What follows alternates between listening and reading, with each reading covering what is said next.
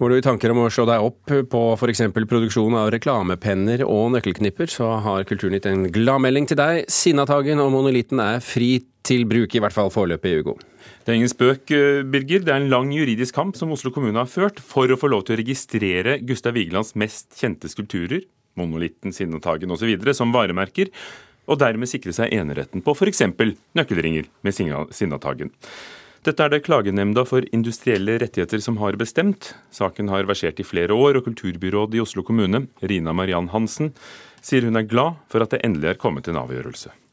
For oss er det veldig bra å få en avklaring på dette spørsmålet. Dette er jo en prosess som starta for noe tid tilbake, før min tid som byråd for så vidt.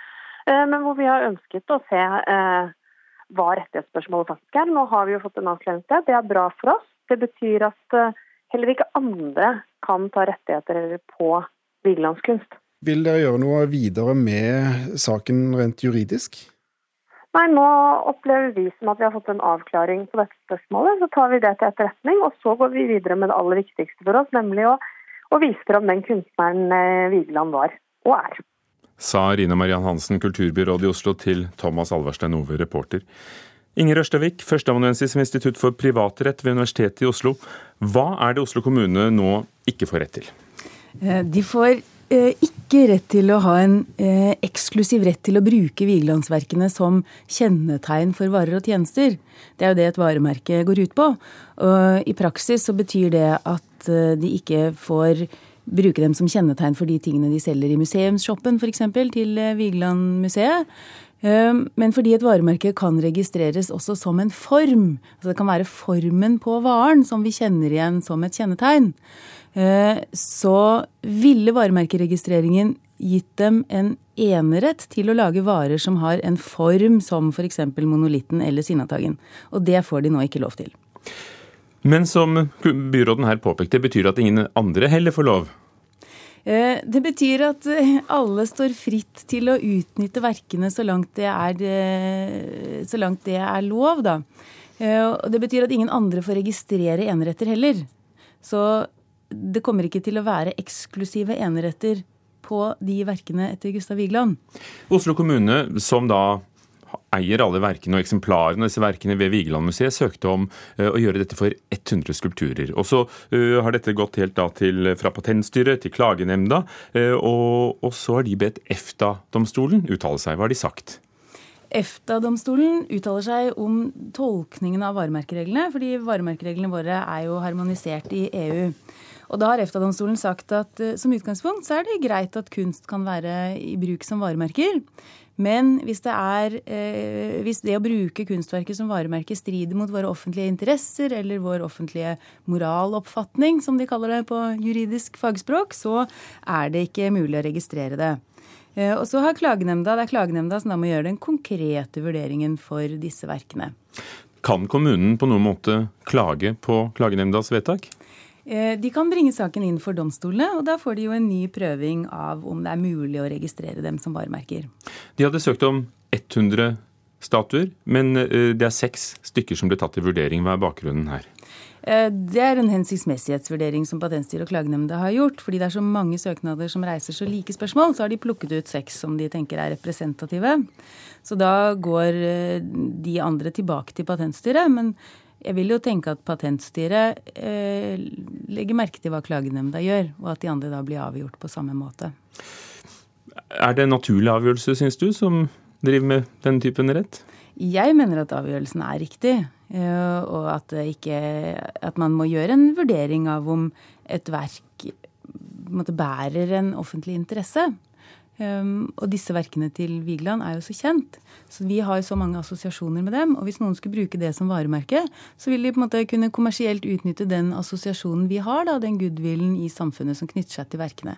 Så det mener jeg det er riktig at man ikke får lov til.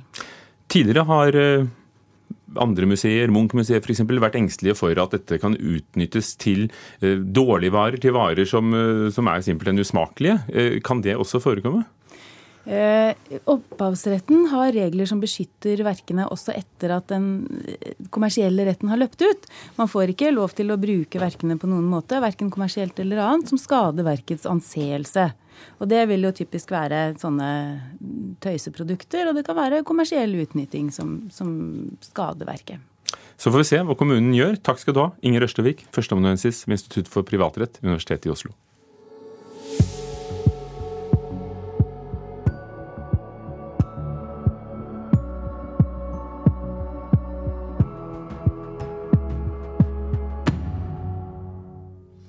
Vi skal til USA og Los Angeles.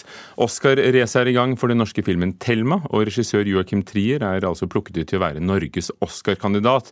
Men veien frem til en nominasjon er lang, og, og selv har han overhodet ingen magefølelse for hvordan dette kommer til å gå. Jeg vet ikke hva det er med meg. Det bare Skal jeg hjelpe deg? Joakim Triers siste film 'Thelma' har blitt beskrevet som en romantisk, overnaturlig thriller. Kanskje kan vi si det er en sjangerfilm som vil noe mer. Og nå vil skaperne bak gjerne ha en Oscar-statuett.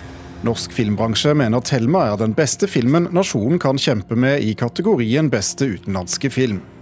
Trier farter for tiden verden rundt for å reklamere for den.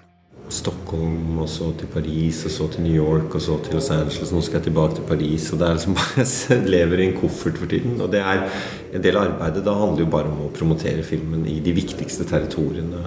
For filmen er allerede solgt til 95 land, noe som ikke er vanlig før en norsk film skal kjempe om Oscar. Likevel må det gjøres en innsats i Los Angeles, og Trier har med seg medforfatter Eskil Fugt og produsent Thomas Robsam.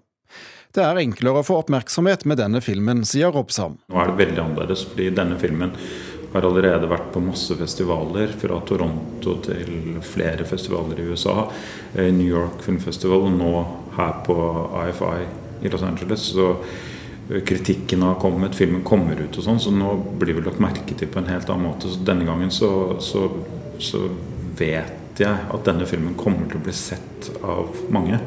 Nå gjelder det at eh, de liker den. Selv om de tre har mange kontakter i Hollywood som forsøker å gi velmente råd på veien, er det ikke lett å vite hva medlemmene i Oscar-akademiet stemmer frem. Selv etter mange mange år så vet de ikke helt sikkert hva som skal til, og hva folk liker og ikke liker. og sånn, Så vi, vi, kan ikke gjøre så veldig mye annet enn å gjøre de tingene vi, vi tror er smarte, og så håpe at det går bra. Det er jo en av de mest uforutsigbare kategoriene, sier alle som jobber her. Og de blir alltid overrasket over hva som skjer, og hvem som stemmer i denne kategorien, er jo ofte pensjonerte akademimedlemmer som bruker fritiden sin på å spise gratis lunsj og se filmer. Sier Eskil Fugt.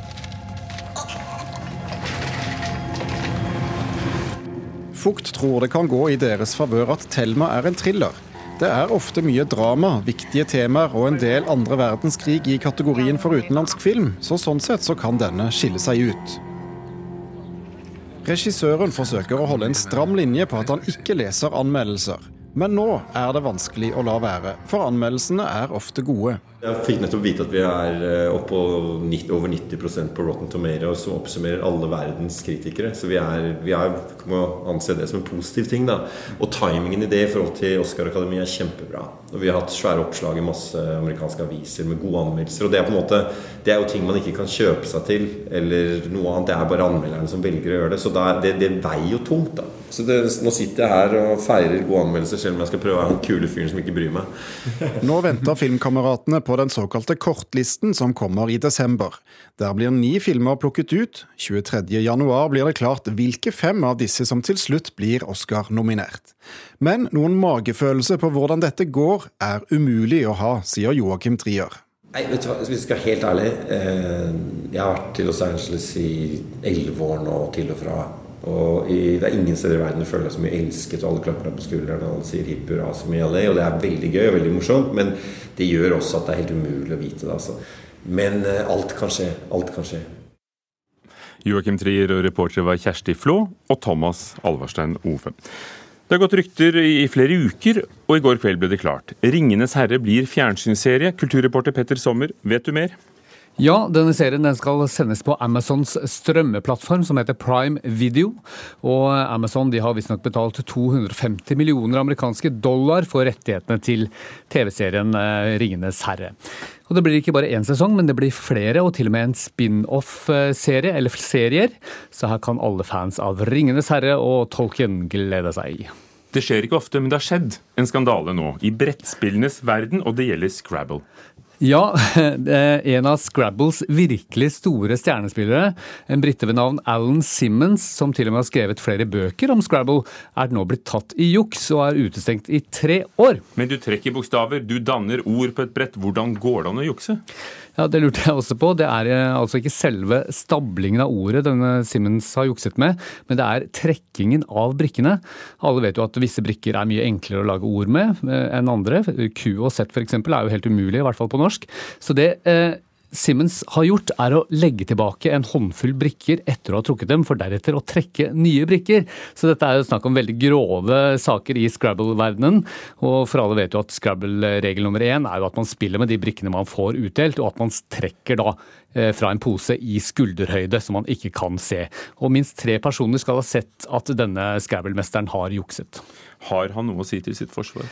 Han, Simmons han innrømmer ingenting, han nekter for at han har jukset. I hvert fall ikke med vilje, sier han. Det triste det er jo det at Simmons er jo veldig godt likt i det britiske Scrabble-miljøet. Han var til og med eh, med å grunnlegge The Association of British Scrabble Players. Så dette er et veldig hardt slag for sporten. Hmm. Takk, Petter Sommer. 'Mor om natten' er tittelen på Nils Fredrik Dahls nyeste roman.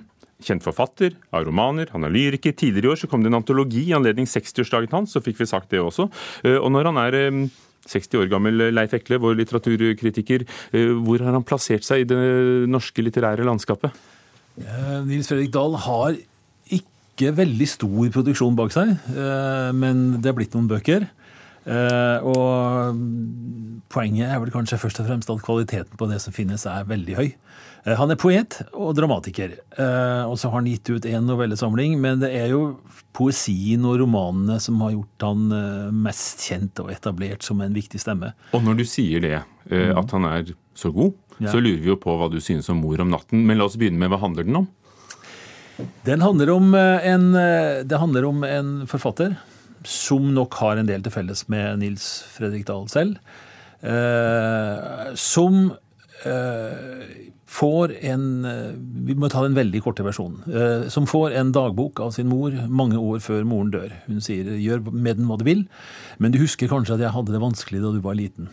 Og Dette er altså en dagbok hun skrev. Hun kaller den Nattboken. Den ble skrevet om natten. Men det handler også om hennes eget mørke. Denne dagboken får han, vil helst ikke ha den, eh, men tar den med seg. Og har den i flere år før han virkelig begynner å lese. Og det skjer da ganske lenge etter at moren er død. Eh, disse to, mor og sønn, har hatt et uh, distansert forhold til hverandre. De har hatt stor avstand, begge to. Gutten har opplevd avstand, men har også holdt avstand. Uh, fordi han på barnets vis har villet beskytte seg mot dette mørket som han intuitivt har forstått at moren har og eier, og også prøver å prakke på han. Hvilke litterære kvaliteter er det du finner hos Dahl? Det er nok språket som er det aller viktigste, syns jeg. Eh, og, språket bygger opp under en fortelling som, som, du bare må inn i. Eh, det er ikke noe valg når du først har begynt, i hvert fall eh, for, for meg er det ikke det. Poeten er veldig sterkt til stede, også når han skriver romaner. Det er lavmælt, presist, tilsynelatende så er det enkle setninger.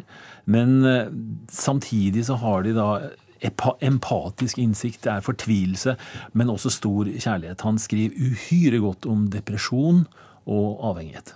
Spiller det noen rolle for, for oss som leser om, om dette var hans mor, eller om det er forfatteren selv det er et portrett av? Ja, For det første så er det sånn at moren Dette er også en roman om romanens egen tilblivelse. Eh, sånn at moren blir diktet frem, for han kjenner ikke sin mor. Eh, så det gjør forfatteren. Han dikter frem det som kunne vært morens liv. Eh, når det gjelder forfatteren selv, så syns jeg dette er På en måte så er det et kvalitetsstempel, det også, at det er uinteressant for leseren, eh, mer eller mindre, om dette handler om Nils Fredrik Dahl, eller om det handler om en tenkt forfatter. Eh, sånn at å snakke om dette som en del av det virkelighetslitterære feltet, og gjøre det til et poeng, syns jeg er på sida. Det er jo så viselig innrettet at Anmeldelsene våre ligger også på nrk.no, og der skriver du at dette meget vel kan være Nils Fredrik Dahls sterkeste roman til nå. Så ja, Det er en god bok, altså? Ja, det er en veldig god bok, og jeg mener nok det at antagelig er det hans sterkeste bok, og det sier ikke lite. Mor om natten. Takk skal du ha, Leif Ekle, som hadde lest Nils Fredrik Dahls nyeste roman. Klokken er straks halv ni. Du hører på Nyhetsmorgen i eh, NRK.